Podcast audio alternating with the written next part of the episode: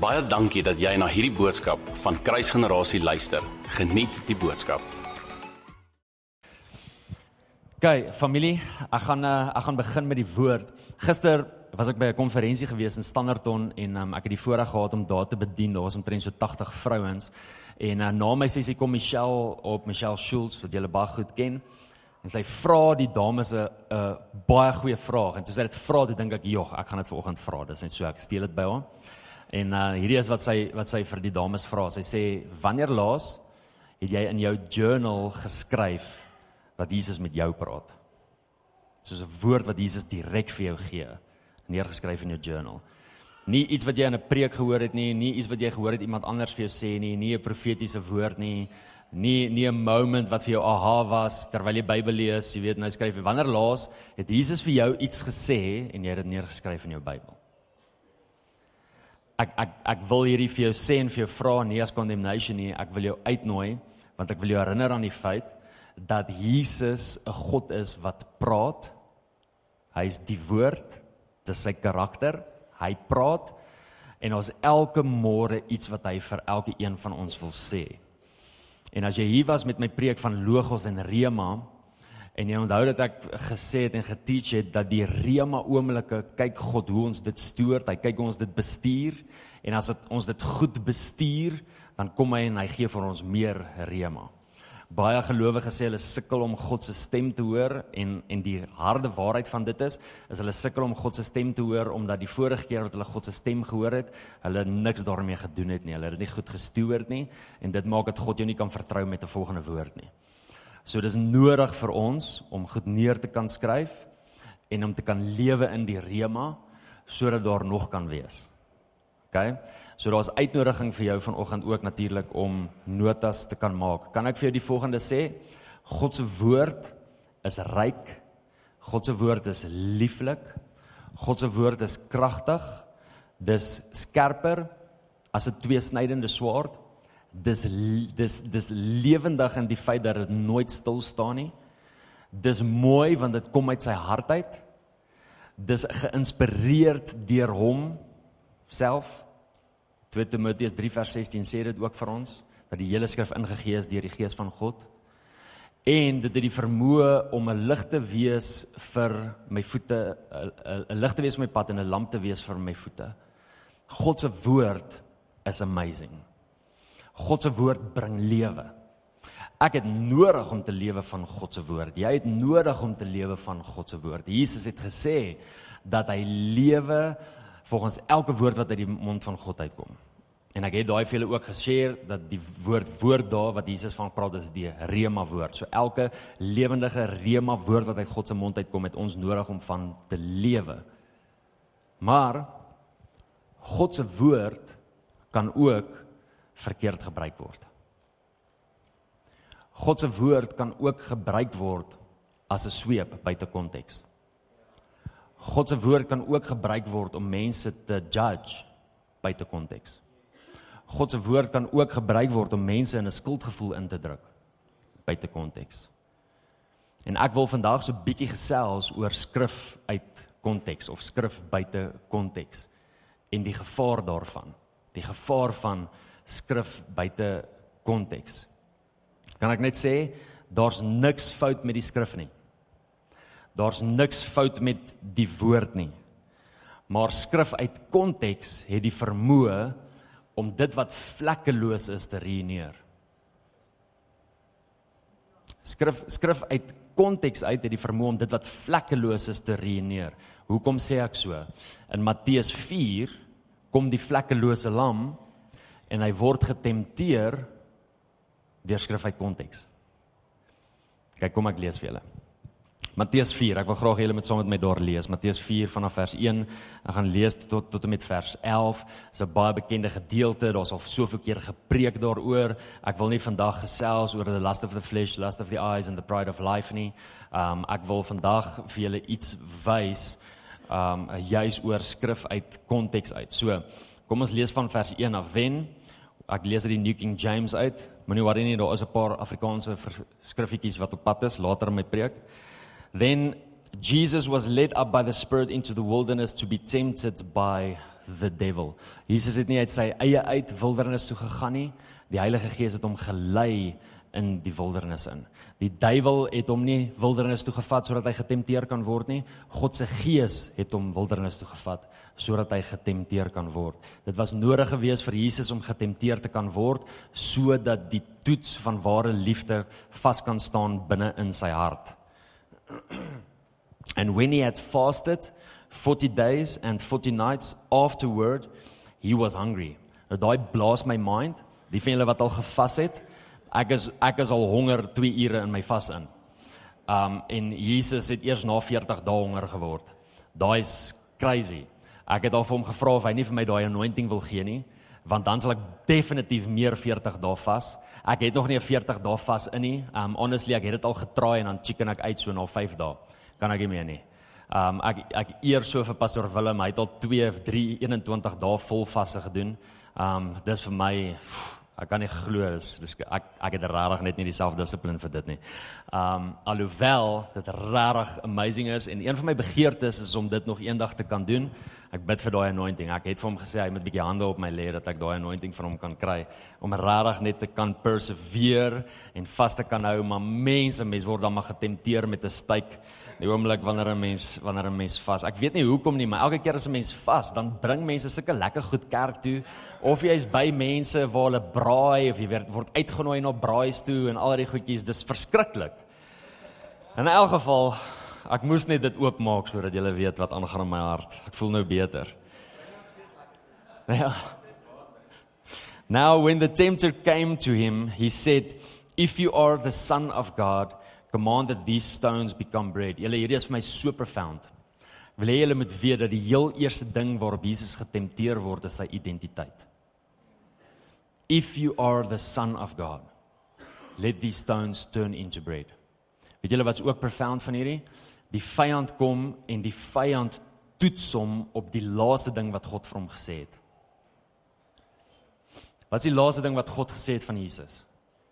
Die laaste ding wat God gesê het vir Jesus gaan lees daar in Matteus 3 staan dit vers 17 This is my beloved son in whom I am well pleased. Die laaste woord wat God die Vader gespreek het oor Jesus is dat hy my dat hy God se geliefde seun is. Wat die eerste ding waarop hy getoets word? Is juis dit wat God vir hom gesê het. Die oomblik wanneer jy 'n woord ontvang, die oomblik wanneer jy 'n rema gaan ontvang, gaan daai woord getoets word. Die vyand wil hê dat jy moet twyfel in dit wat God gesê het. Dis sy ou taktik. As hy kan kan regkry dat jy twyfel in dit wat hy gesê het, dan weet hy dat die krag van dit wat God gesê het verlore gaan binne in jou lewe. Dit was sy taktik gewees in die tuin van Eden toe Adam en Eva geval het in sonde, was sy taktik gewees dat jy dat hulle moet twyfel in dit wat God gesê het. Onthou julle wat hy gedoen het? Hy kom in en hy vra vir Eva, "Did God really say?" Voordat enigiets gebeur, het God regtig gesê. Die duiwel wil hê jy moet twyfel in dit wat God sê. So ek sien soveel soveel gelowiges wat God se stem hoor en dan kom hulle na my en sê hulle Jesus maar hulle weet nie of dit die Here is nie. Dis exactly wat die duiwel wil hê jy moet glo. Dis exactly waar die duiwel wil hê jy moet sukkel. Dis exactly waar jy waar hy wil hê jy moet struggle.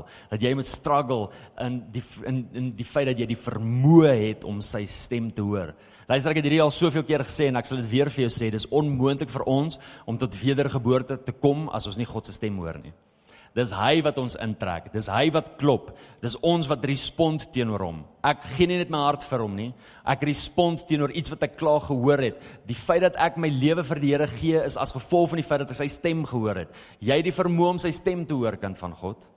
Moenie laat die duiwel vir jou kom jok nie. Weet julle wat is vir my so profound? Dat die vyand kom hier en hy sê vir hom, hy sê if you are the son of God. Hy los iets uit wat God gesê het. God het gekom en hy het vir Jesus gesê, this is my beloved son. Die duiwel kom en hy los daai gedeelte uit. Hoekom? Want hy kan nie bekostig om jou te herinner aan die feit dat God jou liefhet nie. Hy kan dit nie bekostig nie. Hy kan nie bekostig dat jy in die waarheid sal staan van die feit dat God jou liefhet nie. Dis die fondasie van ons geloof liefde en die feit dat God liefde is. Hy het nodig dat on, ons het nodig om te weet dat God liefde is. So hy kan nie kom en jou kom remind daaroor nie, want as jy dit gaan glo, gaan jy nie luister wat hy sê nie.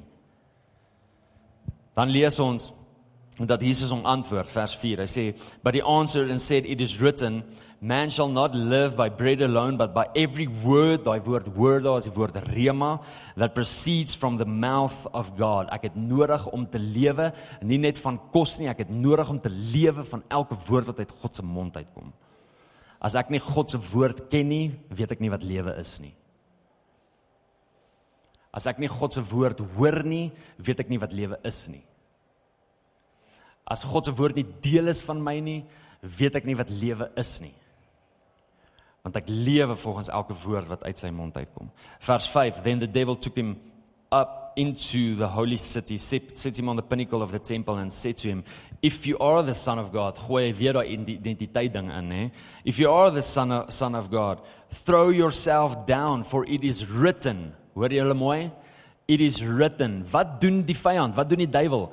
Hy quoteer skrif. Die duiwel quoteer skrif. En hy sê vir Jesus, "He shall give his angels charge over you and their hands um and in their hands they shall bear you up lest you dash your foot against a stone." Weet julle wat se gedeelte quote hy? Psalm 91 vers 11 en 12. Psalm 91 is 'n psalm waar baie van julle gestaan het in die tyd van COVID. En Psalm 91 is juis geskryf vir Jesus. Dis wat God sê oor Jesus. Dit wat die duiwel hom tempteer mee, dit die skrifgie wat die duiwel quoteer, is juis wat God sê oor Jesus. Nou kom ek kom ons vra net gou die volgende vraag. As ek doen wat die woord van God sê, is dit sonde? Nee. As ek doen wat die woord van God sê, is dit sonde? Nee. Hoekom het Jesus nie gedoen wat die woord van God sê nie?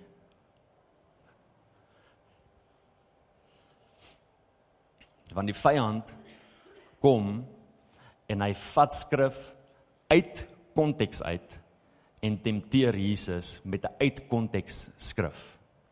Dit maak nie saak hoe waar hierdie skrif is nie. Dit maak nie saak hoe mooi hierdie skrif is nie die oomblik wanneer skrif uit konteks uitgehaal word en ek reageer daarop, dan word ek vlekkeloos. Dan sondig ek.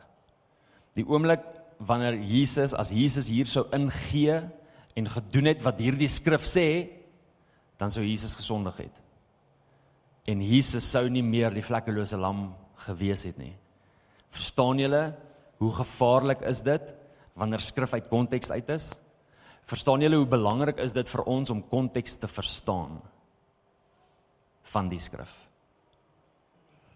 Die hartseer ding vandag is is dat soveel gelowiges op 'n plek is waar hulle nie konteks van skrif ken nie.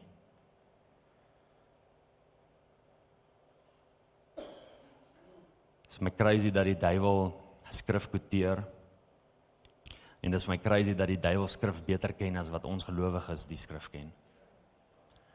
En dis my crazy dat die duiwel skrif kan vat om ons te mislei.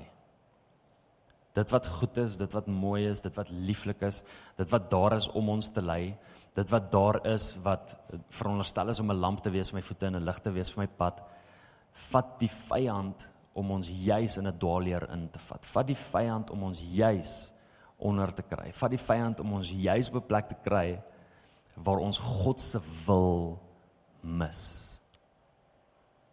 Honestly, die oomblik wanneer ek hierdie lees, is ek besorgd binne in my hart want ek weet nie of alle gelowiges die vermoë het om te discern wanneer skrif uit konteks is en wanneer skrif in konteks is nie. En ek wonder binne my hart, regtig diep binne my hart, het ek 'n concern vir die globale kerk en vir julle het ek 'n concern dat daar van die mense is wat vashou aan 'n skrif uit konteks uit en dit glo as waarheid.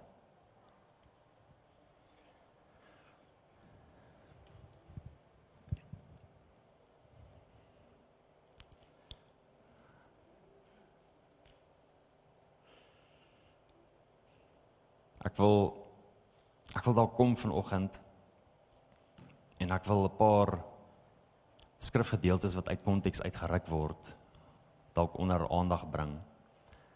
nie om pak slaag te gee vanoggend nie, maar juis net om waarheid te bring en um ons oë oop te maak. So kan ek kan ek dalk 'n paar 'n paar noem. Kan ek 'n paar doen? Jy is om ons te help. Psalm Psalm um 2 vers 8. Kom ek lees dit dalk en dan sal ek verduidelik.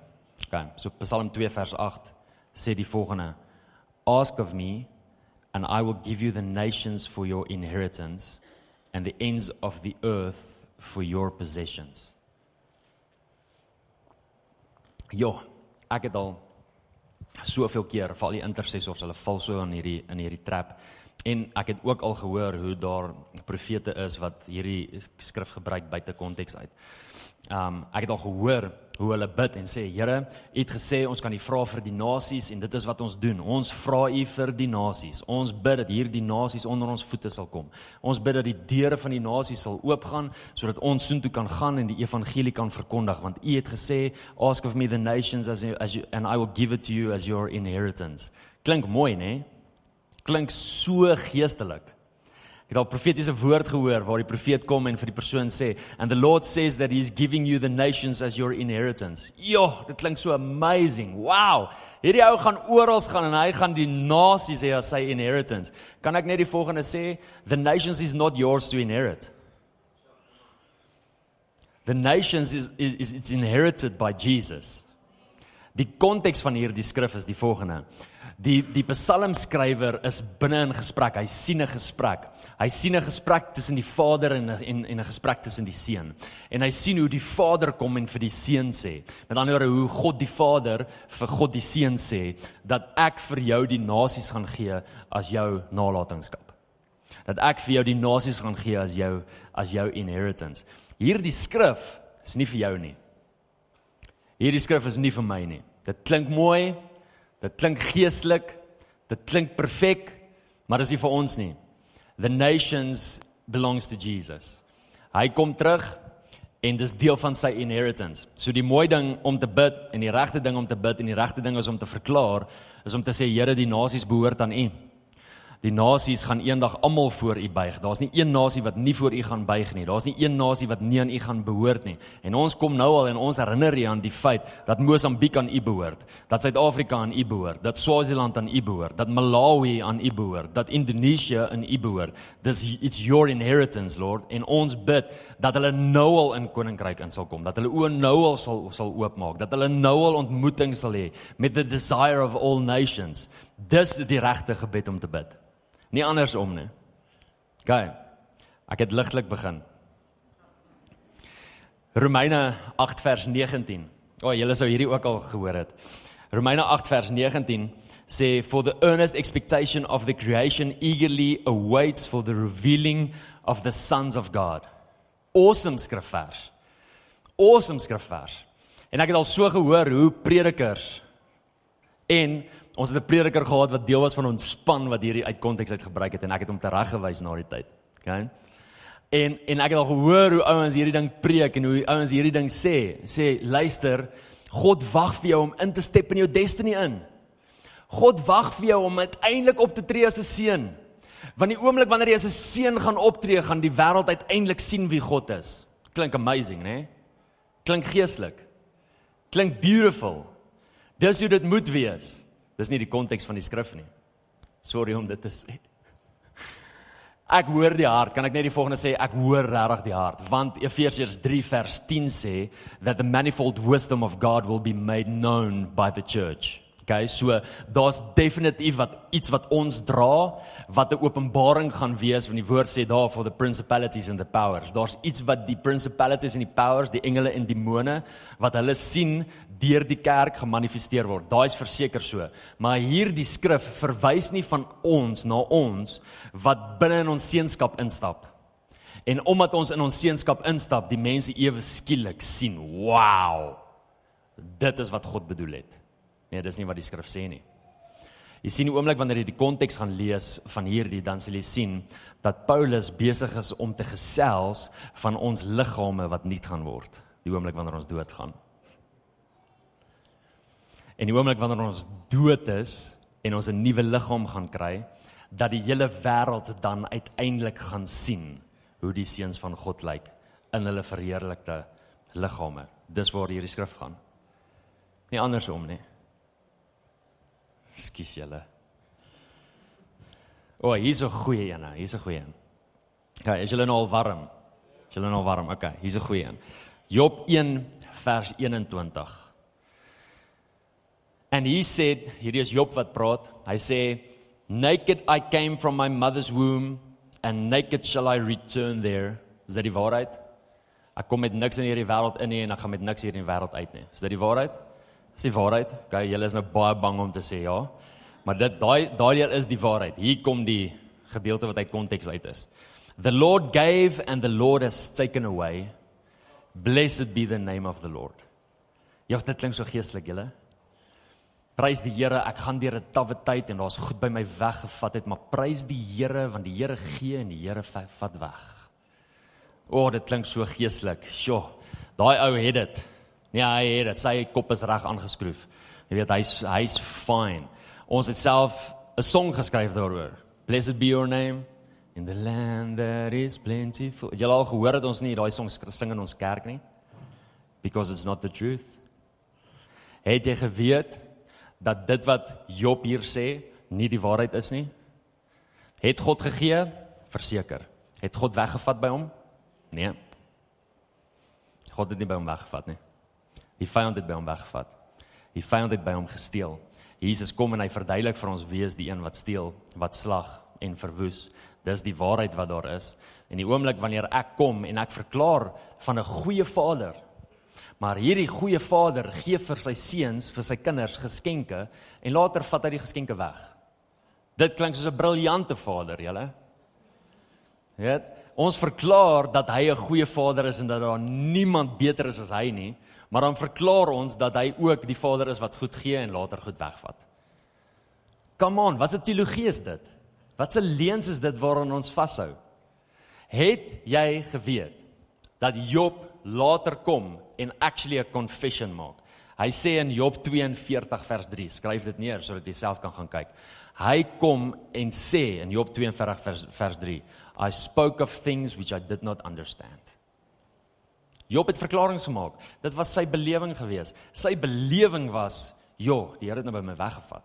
Dis sy belewing, dis van sy omstandighede. Dis letterlik wat hy sien. Ons het die het gelukkig as gevolg van die konteks van die storie kan ons van buite af kyk en ons kan presies sien wie dit by hom kom vat. Kan ek vandag net vir jou sê en ek wil jou net terugstel, die oomblik wanneer God gee, vat hy nie.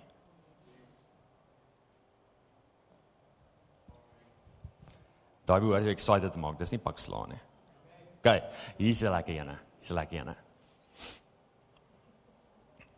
Ek is so jammer as hierdie jou favourite skrifvers is.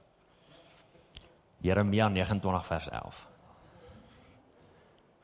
Jeremia 29 vers 11. Want ek weet watter gedagtes ek aangaande julle koester. Luister, kan ek net die volgende sê? God het gedagtes oor jou. Dis definitief die waarheid.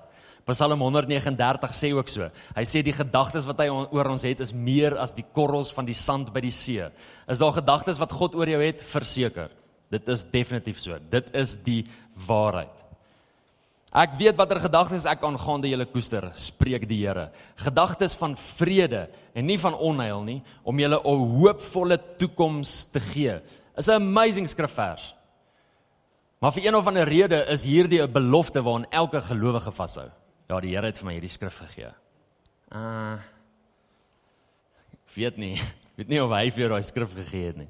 Is dit moontlik vir God om op hierdie skrif te kom blaas en vir jou hoop te gee?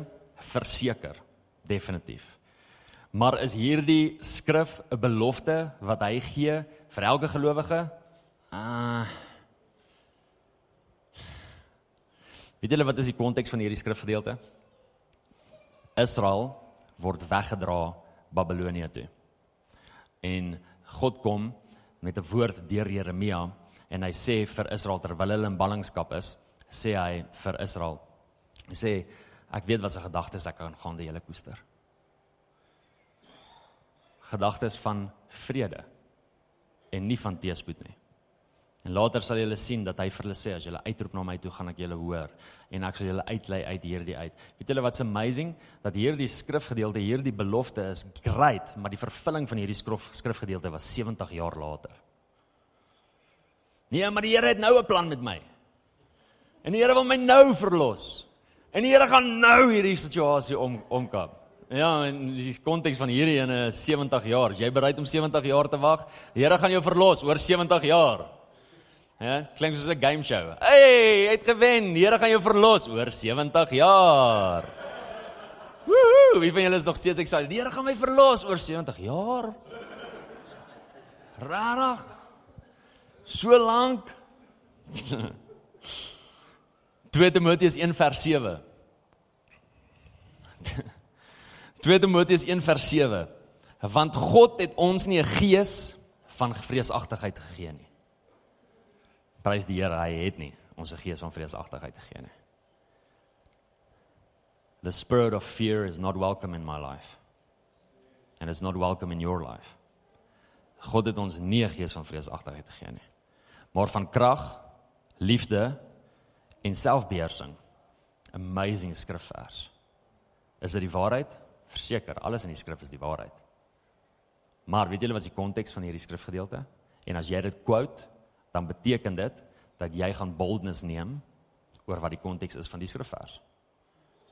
As jy hierdie skrifvers quote en die feit dat God nie vir jou gees van vreesagtigheid gaan gee nie, dan beteken dit dat jou volgende aksie gaan wees wat die konteks is van hierdie skrifvers. Dit gaan jou volgende aksie wees. En weet jy wat is die konteks van hierdie skrifvers? Die konteks van hierdie skrifvers is om jou gawe te gebruik.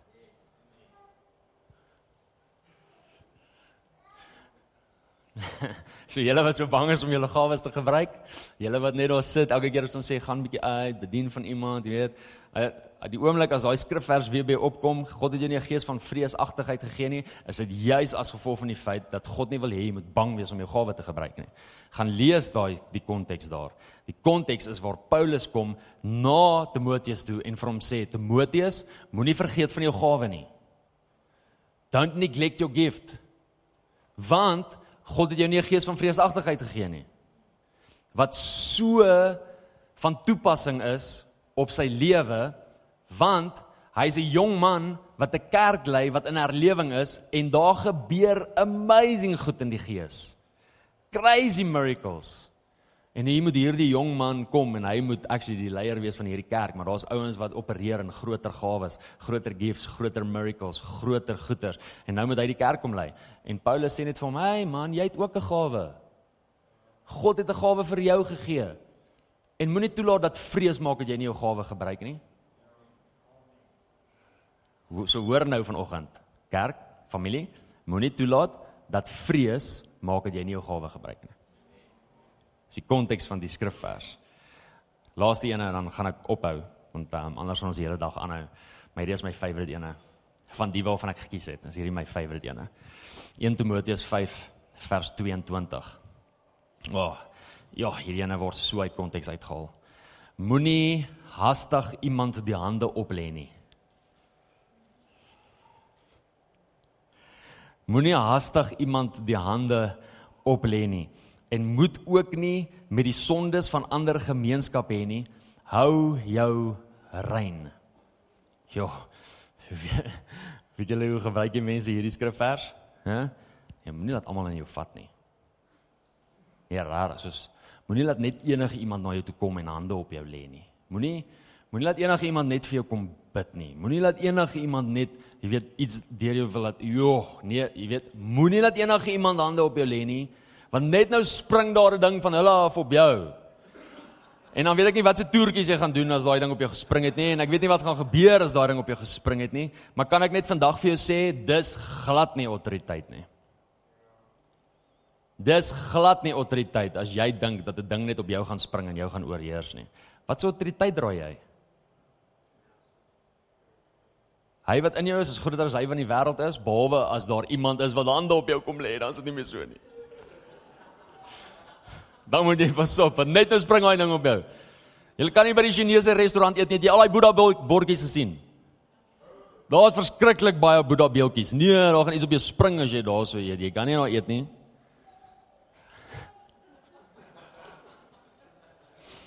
Gaan moenie jy daar gaan eet nie want dan maak hulle my sushi vinniger want hulle is regtig nogal stadig met hulle sushi. Ja, ek het al 'n uur daar gewag. So as jy nie daar wil gaan eet nie, dan sal dit my regtig help om my sushi vinniger te kry. Want ek love sushi. Is genuine. So wat is die konteks van hierdie skrifgedeelte? Die konteks van hierdie skrifgedeelte begin eintlik al in 1 Timoteus 3 waar hy begin gesels oor ouderlinge. En uh hy gesels oor die feit dat daar baie van die kerkleiers is wat te hastig was om hulle hande op jong mense te lê om in 'n in 'n leierskapsposisie in te gaan. En dan stap hulle in 'n leierskapsposisie in in onervare en onvolwassenheid en dan maak hulle dit nie. En daarom kom Paulus en hy sê moenie so vinnig hande lê op iemand nie. Met ander woorde, moenie te hastig wees om iemand net in 'n leierskapsposisie te sit nie. Iemand moet karakter dra. Iemand moet volwasse word. Dit gaan nie oor die feit dat iemand se gees op jou gaan spring nie. Dit gaan nie oor die feit dat dit wat daai persoon dra ewe skielik nou op jou kom nie. Dis nie die konteks van hierdie skrifvers nie. Jy sien ons lees die tweede gedeelte van hierdie skrifvers en dan dink ons dis dis waar dit gaan. Jy weet ek gaan onrein word as iemand te vinnig hulle hande op my lê. Kom nou. Julle regtig moet ook nie met sondes van ander gemeenskap hê nie. Is dit die waarheid? Verseker. Moenie deel hê in ander mense se sonde nie. Hou jouself rein. Maar dit het niks te doen met hande op lê nie. Jy gaan nie onrein lê wees en iemand anders se sonde gaan nie op jou spring die oomblik wanneer hulle hande op jou lê nie. Anders het baie van ons issues gehad want ons druk almal hier by die kerk. So ons is almal hier uitstap, ons is almal demoonbesete en ons is almal goeters op ons en ons is so onrein dat ons nou eers weer na Jesus toe moet gaan en nagmaal gaan neem en Jesus se bloed net oor my pleit want ek was by die kerk gewees en dit was gaal. Ons almal het my gedruk. Want almal by die kerk is nie heilig nie, hoor ek net vir julle dit sê. Luister ek ek maak ek ek is lig ek weet dis bietjie ligsinnig. Maar ek kies eerder om 'n grappie daar te maak as wat ek net met 'n sweep kom en pak sla pak slaag gee. Ek wil lig bring op die feit dat ek wil hê jy moet weet dat daar sekere skrifgedeeltes is wat mense uit konteks uitruk omdat hulle nie hierdie verstaan nie. En ons het gesien in Jesus se lewe wat se gevaar daar is die oomblik wanneer ek 'n skrif uit konteks uit in opereer, in gehoorsaamheid loop, um dra, jy weet, vir myself. As dit die vermoë gehad het om Jesus in sonde te laat val, waaraan lei dit ons? Familie, ons het hierdie belangrike taak om seker te maak dat die skrif van God reg sny in my lewe, reg gedra word in ons lewens, dat ons reg hierdie interpreteer en nie op 'n plek is waar ons dit verkeerd verkeerdeliks dra, verkeerdeliks glo of uit konteks uitdra binne in ons lewens nie. Ons het 'n verantwoordelikheid teenoor onsself, maar ons het 'n verantwoordelikheid teenoor ander gelowiges ook. Want hierdie goed gebeur die oomblik wanneer iemand 'n dwaalleer dra en 'n onvolwasse gelowige hoor hierdie dwaalleer en hy maak dit sy eie. En hy vertel almal daarvan. En as jy weer sien, is daar klomp mense wat hierdie ding glo. En ons kan nie op so 'n plek wees nie. So ek hoor hoe God se gees ons as 'n gemeente, ons as 'n family net terugnoop na dit wat waar is. Dit wat waar is, is so mooi. Dit wat waar is, dra soveel krag en dra soveel gewig. Ons het nie nodig om enige iets by te las nie en ons het nie nodig om enige iets weg te vat nie. En verseker kan ons nie op 'n plek wees waar ons dit net uit konteks uitgebruik die hele tyd nie. So kom ons maak seker, kom ons dra verantwoordelikheid om seker te maak dat hierdie skrif in konteks is. Amen. Kyk, kom ek bid vir ons. Here, u woord, u woord is amazing. Ek eer u vir die feit dat hierdie is die enigste boek wat ek lees en die author nog steeds met my praat terwyl ek dit lees. Hierdie is die enigste boek wat ek lees wat die woorde lewendig is en actually my lewe verander. Wat die woorde uit die bladsy uitspring binne in my gees in en my nuut maak en my hoop gee en my geloof bou. Ek eer U vir U woord vandag. Ek bid dat ons as 'n family 'n hongerte sal hê vir U woord. Maar Here, meer as dit, bid ek dat ons 'n hongerte sal hê om U woord reg te sny. Om U woord reg te dra. Om die konteks van die woord te verstaan en deel te maak van ons lewens. So Heilige Gees, U het die woord geïnspireer, U het dit ingegee en ek bid dat U ons almal sal help dat U openbaring sal bring, dat U lig sal bring en dat dit wat in die duisternis is oor my lewe tot lig sal bring sodat ek dit kan verander, sodat ek kan repent daarvan, sodat daai conviction swaar op my hart sal dra in die naam van Jesus Here. Ons het U nodig. Ons het U lief, ons het U woord lief en ons bid en verklaar dat ons U woord wil eers stel in ons lewens en dat ons wil lewe volgens elke woord wat uit U mond uitkom. Maar ek bid dat U dit wakker maak oor ons lewens in Jesus naam. Amen. Baie dankie dat jy na hierdie podcast geluister het. Indien jy die boodskap geniet het, deel hom asseblief met jou vriende.